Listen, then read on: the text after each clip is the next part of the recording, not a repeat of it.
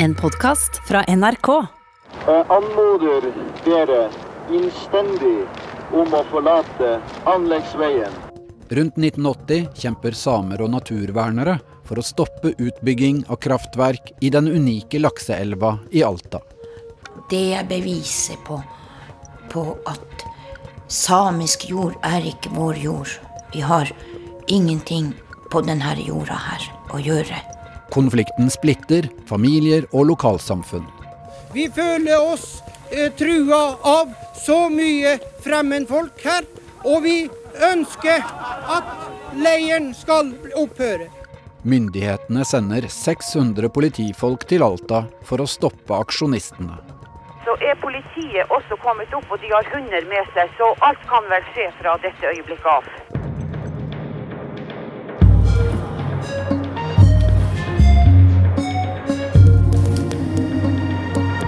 Du hører på hele historien om Alta-aksjonen av Randi Lillealteren.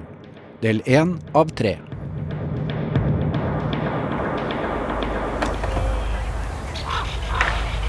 Er ingen desperado og slettes ingen helt.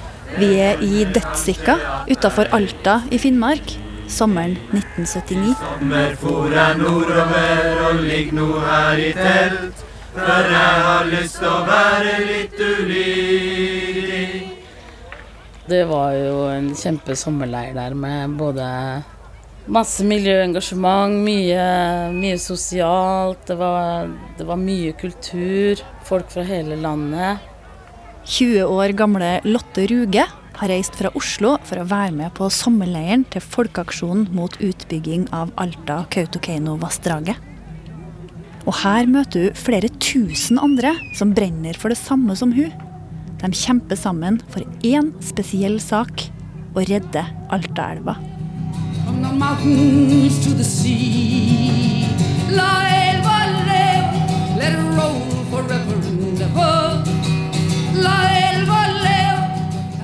Stortinget har vedtatt å demme ned elva, som er ei av verdens beste lakseelver, og renner gjennom unik og sårbar natur og en spektakulær canyon.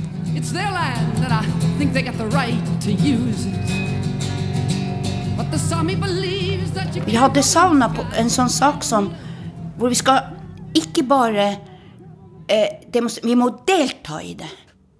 Ravna Anti er i København da hun hører at det er store ting på gang i hjemfylket. Så jeg sa opp jobben min i København.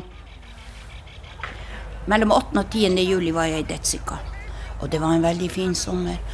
Endelig tenkte jeg nå er jeg med og kjemper for samesak. Og eh, jeg følte meg Jeg hadde så styrke når jeg kom dit allerede. Alt ble drevet på dugnad. En, en av de som hadde butikk i Alta, han flyttet jo opp eh, sånn filial av butikken sin opp der, så vi hadde butikk. Og så var det også store diskusjoner. Alt foregikk ute. Og for mange var det jo første gang de så midnattssol, første gang de møtte samer. Så det var en veldig sterk tro på at dette skal vi klare. ikke sant? Vi, vi var veldig sterke på at dette her går bare ikke an å bygge ut her. Til sammen er rundt 8000 mennesker innom Detsika-leiren denne sommeren. Det er allmøter med informasjon om motstandsarbeidet, gateteater og konserter med flere store artister. Can you remember the times that you have held your head high? Buffy St. Marie, Mikael Wie, Nils Aslak Valkeapää og Hans Rotmo. Ja, nå er det ufred Gjemning. Ved Sao sto i Alta, Stortinget tegna en demning.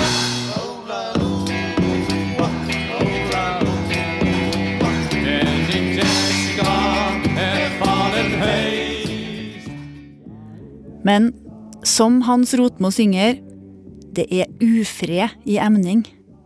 Og rota til denne ufreden ligger ni år tilbake i tid.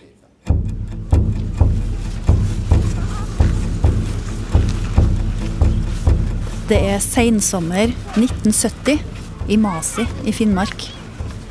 Som de første samene siden Kautokeino-opprøret i 1852 har innbyggerne i bygda reist seg i protest mot myndighetene.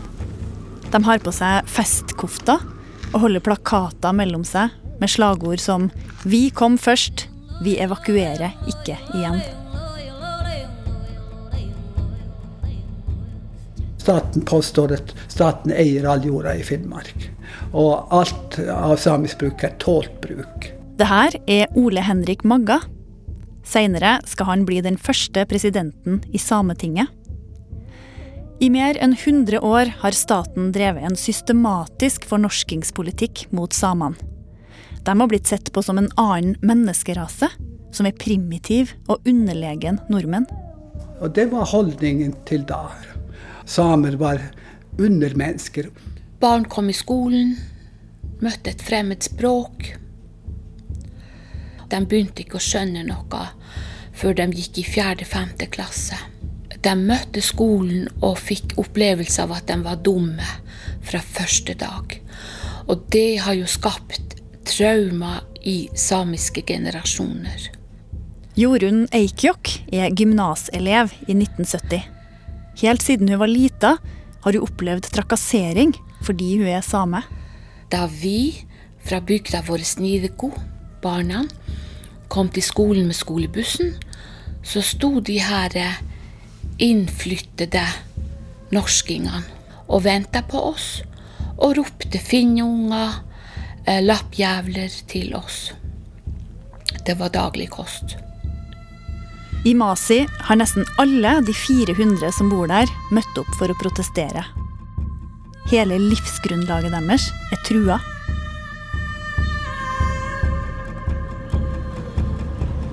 Alt det vi ser av gårder og hus langs elva her, vil bli neddemte. Og dette vil i første rekke gå utover den samiske bosetnaden. Ja, det feirer bryllup her i dag og har tenkt å slå dere ned her i Masi og bygge heimen deres her. Hva vil disse planene om neddemming ha å si? Ja, det vil jo bety en katastrofe for vår eksistens. Elva mellom Alta og Kautokeino flyter gjennom et landområde hvor samer har drevet med rein, fiske, jakt og sanking i tusenvis av år.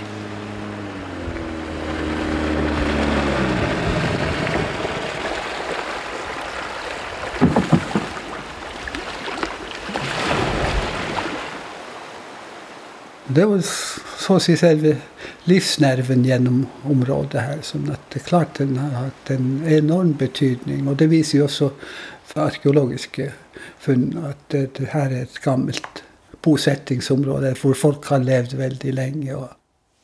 Helt siden middelalderen har Altalaksen vært ettertrakta både blant svenske handelsmenn og på Slottet i København. Men politikerne vil utnytte krafta i elva. Deres viktigste oppgave er å bygge landet og skape arbeidsplasser. Det er allerede i dag så stor mangel på kraft i Finnmark fylke at det vil være helt uansvarlig av oss som politikere, etter mitt syn, å vente med å ta standpunkt i en for oss for øvrig vanskelig sak.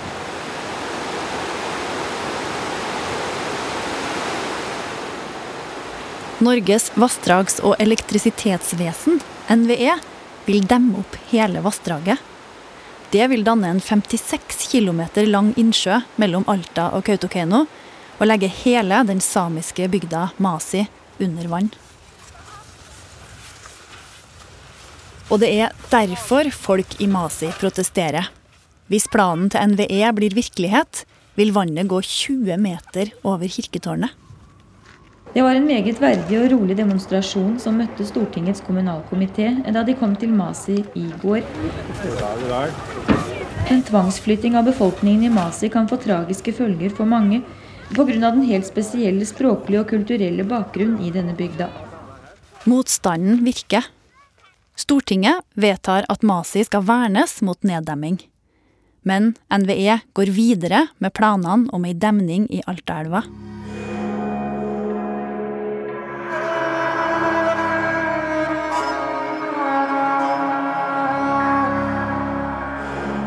Planene skal skape dyp splid i Alta, og begge sider mobiliserer.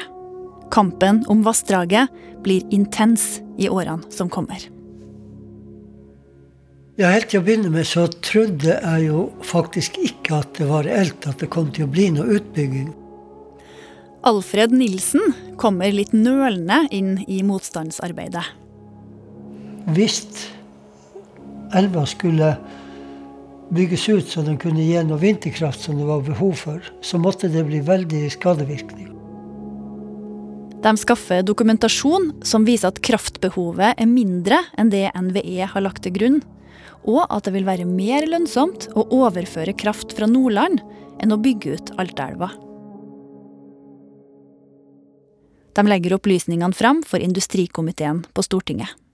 Vi var jo så blåøyde at vi trodde at når vi skaffa holdepunkter som visste at det ikke var nødvendig å bygge ut, og at det ville bli store skadevirkninger, så ville de uh, høre på oss. Arbeiderpartimannen Kjell Helland sitter i industrikomiteen på Stortinget på 70- og 80-tallet. På det tidspunktet så så jeg ikke at vi hadde behov for den krafta. Så var jeg nok også til, til en viss grad påvirka av de holdningene til lokalbefolkninga, de som bodde i Finnmark. Jeg var jo oppi der ikke sant, flere ganger og eh, dro i båt ned til elva og det, og så eh, snakka med mye folk og sånn. Miljøverndepartementet har stilt et krav til NVE om at de må gjøre naturfaglige undersøkelser i to år. Men i 1975 går de bort fra kravet. Når vi eh, kom så langt at vi hadde hatt møter med eh, industrikomiteen, med partigruppene i Stortinget, og så at det var veldig lite gehør å, å, få, at de var lunkne, og at eh, alt NVE sa var helt troverdig, så ble det jo til slutt Ja, etter hvert ble det jo en besettelse på at det her må vi klare å, å stoppe. NVE kommer med en søknad om ei mindre utbygging av Altaelva. Lokalpolitikerne sier nei.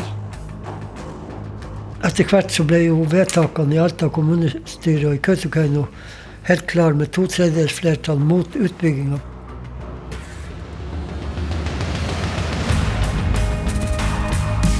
Men det er Stortinget som bestemmer.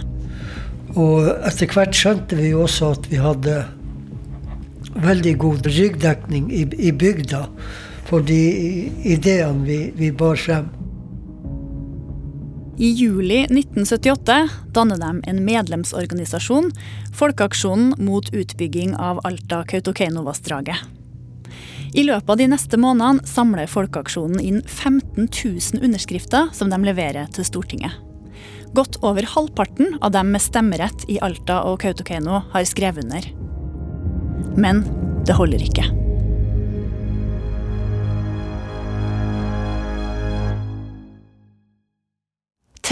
november 1978 vedtar Stortinget utbygging. Kjell Helland stemmer for. Det, det er klart at uh, i Norge vi, vi, var jo et industrisamfunn. På både godt og vondt. Og, og industrien betydde utrolig mye for landet. Og husk på, uh, jeg har jo også med meg krigen. Og, og, det var veldig stor fattigdom og stort behov for arbeidsplasser og, og utvikle arbeidsplasser. Og det eh, dro vi jo fortsatt med oss når vi kom inn i, i 70-tallet.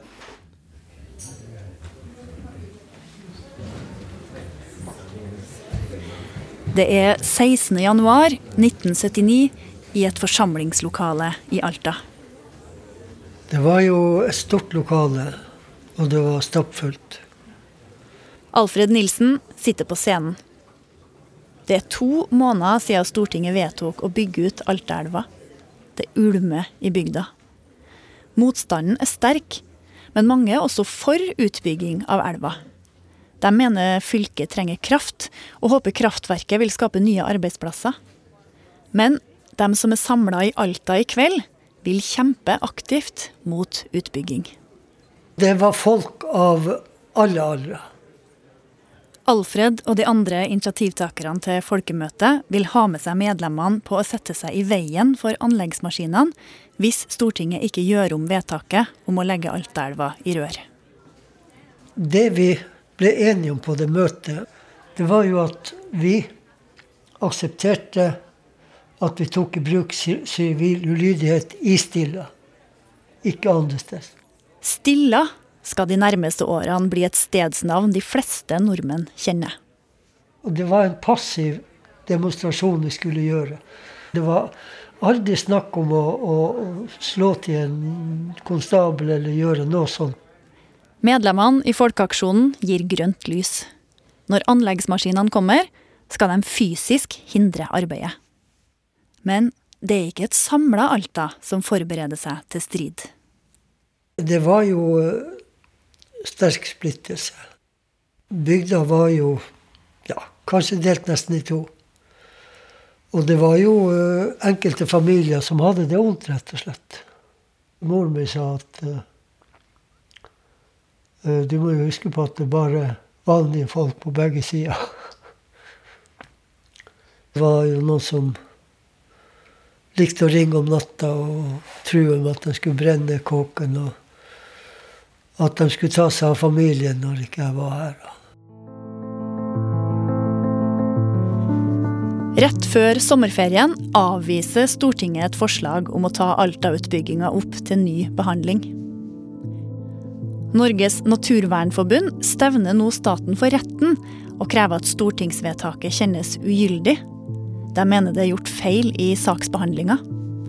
Etter hvert skal dette bli et halmstrå av håp for elveredderne.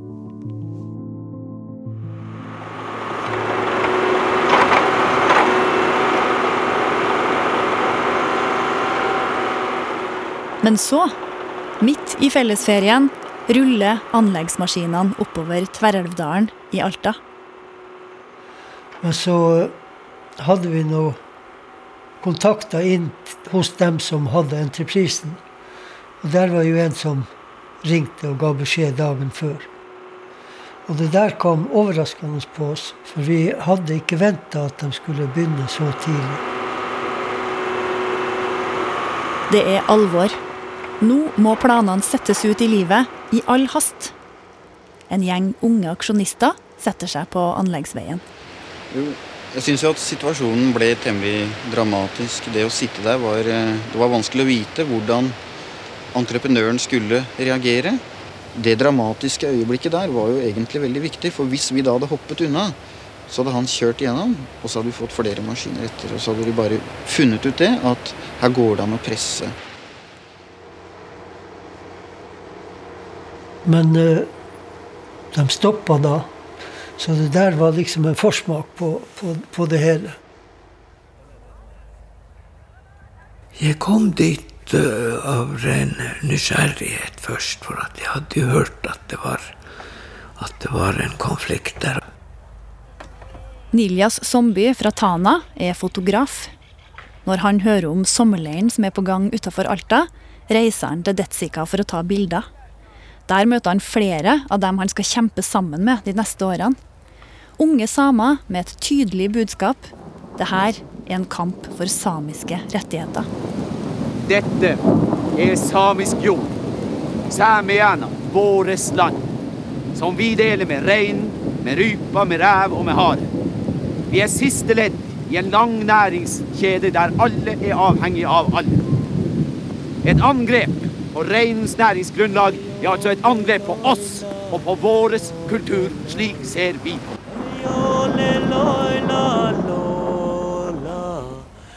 var veldig fint å være sammen her, for at uh, vi hadde veldig stor respekt.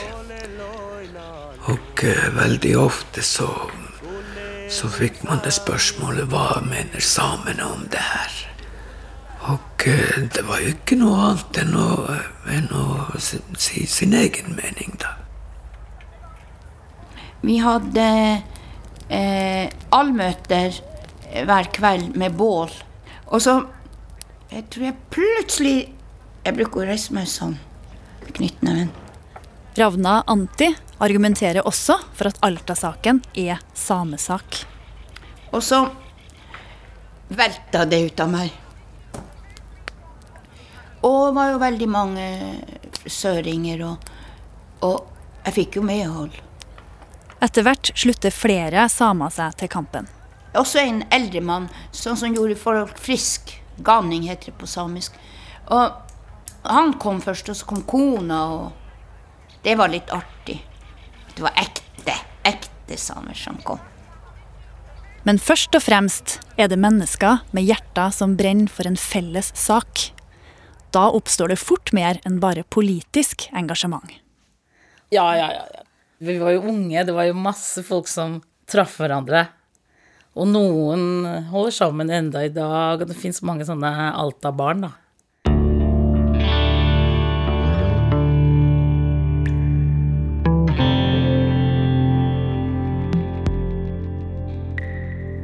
Likevel, bygda er splitta, og mange er fortvila og forbanna for at arbeidet blir stoppa av demonstranter. Det voldsomme sinnet man la til, la til grunn eh, rundt det med Alta-utbygginga og det her mellom dalførene, det, det, var, det, var, det var veldig spesielt. Geir Ove Bakken er 20 år i 1979. Han er aktiv ungdomspolitiker i Arbeiderpartiet. Jeg var nok en av dem som, eh, som eh, lot meg lede ut av voksengenerasjonen. Hadde jo også en far som var veldig ivrig politiker, og som ville ha utbygginga. På død og liv. Det var viktig. Pappa var jo postmann og, og, og, og organisasjonsmann, og, var tidlig med i lo, lokalpolitikken. Men han var en typisk kraftsosialist. Og han ville ha utbygging, og det var den tids eh, politikere. De ville ha utbygging. Det ga arbeid, og det ga vekst og velstand, og det ga inntekter til kommunene. Og da tenkte man ikke så mye kunne Altaelva bli ødelagt. Det tenkte man ikke så mye på i denne bygda. Bygda Geir Ove snakker om, er Tverrelvdalen. Det er herfra anleggsveien går. Nå har han og de andre som vil ha utbygging, fått nok. Her skulle vi også ta en del ut av velstandsutviklinga og få energi, bygge kraftverk. Og så skal de, eh, søringene og naturvernerne komme hit og, og rydde opp. De som fra nå skal bli kalt Borgervernet, organiserer seg og går til motaksjon. Vi er kommet hit for i fredelige hensikter å anmode folkeaksjon om at eh, demonstrasjonsleiren her i Stilla bringes til opphør. Borgervernet vil ha demonstrantene vekk. Rundt 50 personer kjører opp til Stilla. Men vi, vi stiller om så 1000, om så 2000 mann, for vi får hele Alta med oss. Hva var det som hendte dere dere kom opp hit? Vi rev ned alt sammen og ble dem å pakke. Og så ble det en del diskusjon, og, men eh, banene de lystra til slutt. Det har vært fred og ro her, og vi ønsker fortsatt fred og ro. Og vi respekterer et lovlig storting, selv om vi aldri så gjerne skulle si at vi kunne spare denne naturen. Man for opp for, for, å jage dem. Kanskje få dem over på andre siden av fjellet, men vekk fra nullpunktet. Sånn at anleggsmaskinene kunne starte opp. De river ned og tenner på plakatene som sperrer anleggsveien. Og det vi hører sprake i bakgrunnen her, det er den siste av plakatene oppe i Stilla som nå brenner. For å jage dem rundt i de her skiferfeltene. Ja. Sprang etter dem og sånn? Sprang etter dem, ja. Jeg var med, med, med noen ganger på det, men Men det var, ikke, det, var ikke, det var, ikke, mye. Det var det mest, tror jeg, bare for å være med de to, faktisk. Jeg får, jeg får angre på det, da. Vi som er fra Tverreldalen, og vi som er fra de andre bygdesamfunnene i Alta, vi føler oss eh, trua av så mye fremmedfolk her. Og vi ønsker at leiren skal opphøre.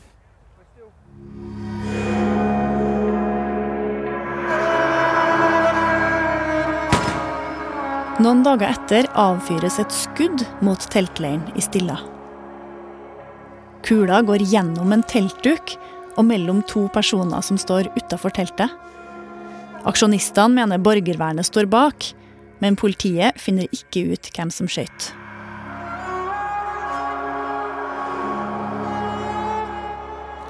Utbyggingsmotstanderne lar seg ikke stoppe av trusler og skudd. Nå får de nye forsyninger med ved og mat fra folk i bygda. Man blir litt rørt når man tenker på det i etterkant. Det var, det var en voldsom oppslutning og entusiasme. Og tro på at det skulle gå godt. Ei gruppe blant de unge samene som er i leiren, syns ikke aksjonsformen med å bare sitte i veien for anleggsmaskinene er offensiv nok. Niljas har en idé som snart skal bli til en konkret plan. Vi bodde sammen i, i sånn eh, primitiv jordkammer som han Mikkel Eira var spesialist i å lage. da. Og vi eh, snakka veldig mye strategi sammen der. Og, og at vi syns jo ikke at den her folkeaksjonen og, og den strategien som de har med å bare bli båret bort i, og, i som potetsekker, da. At, nå, at bare bøtene vil bare stige, da. Nilias foreslår å ta i bruk et kraftigere våpen sultestreik. Det tok ikke lang tid før, før de var helt enige at, at det her gjør vi. Ideen skal vise seg å bli et vendepunkt. Både for Alta-kampen og for samene sin historie.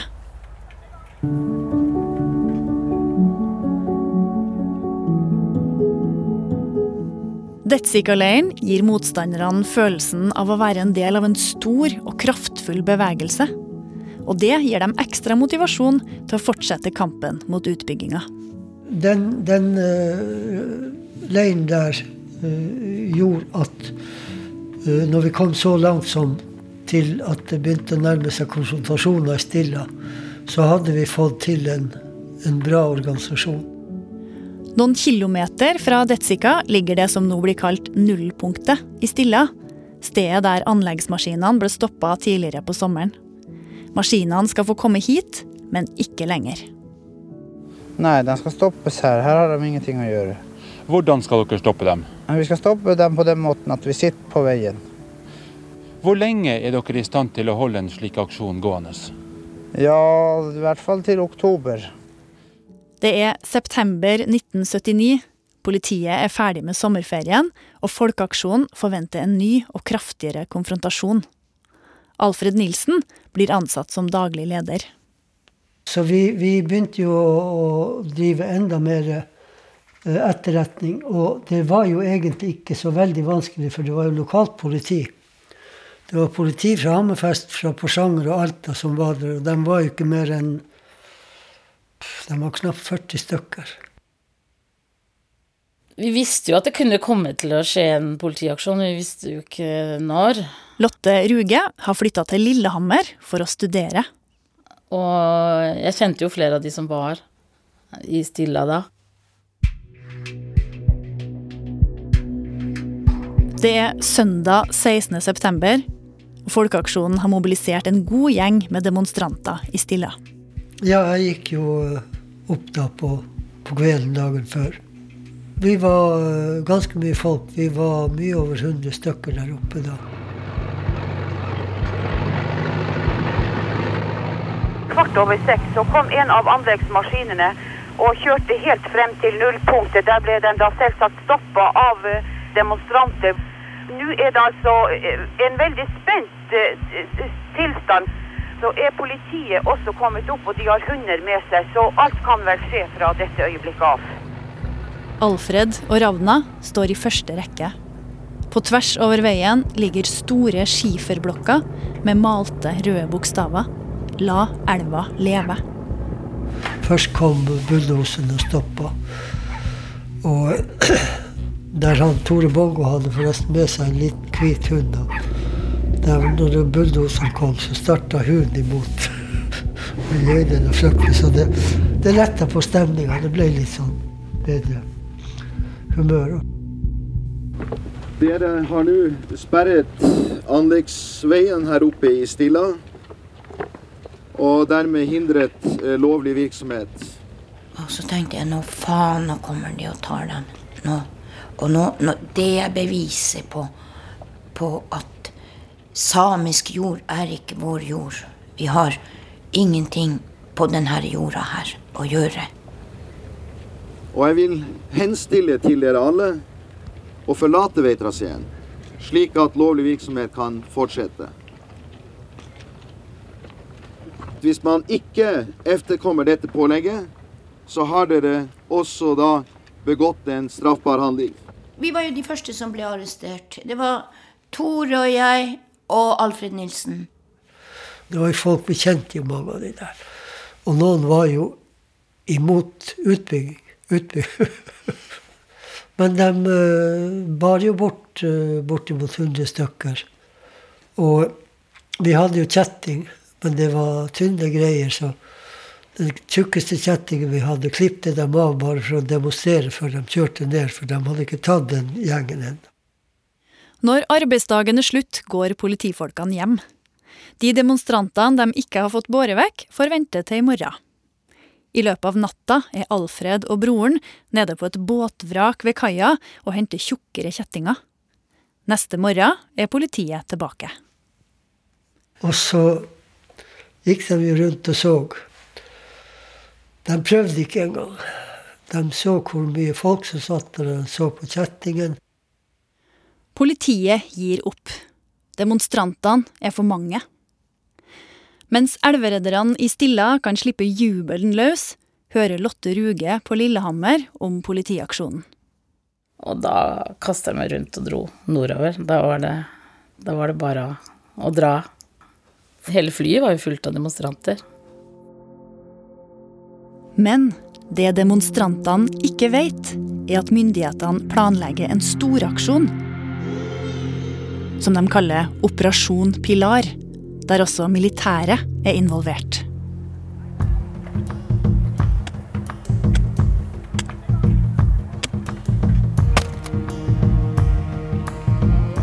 I Stilla er det kjempestemning.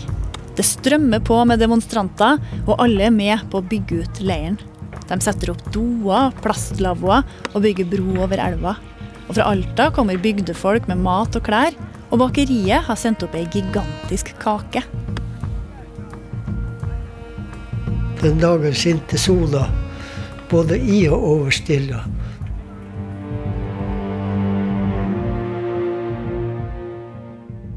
Og vi visste ikke hva som sto fremfor oss av oppgaver.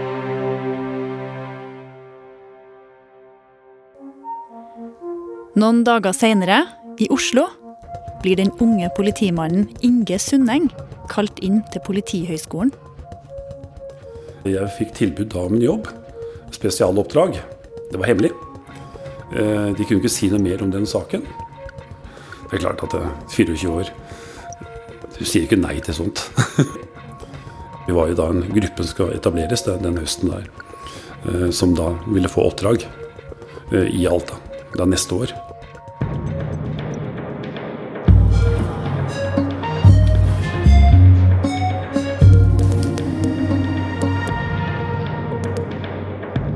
Dette var første del av Alta-aksjonen, laget av Randi Lillealteren. Lyddesign ved Kjetil Hansen. Produsent Kaja Frøysa og redaktør Siril Heierdal. En podkast fra NRK.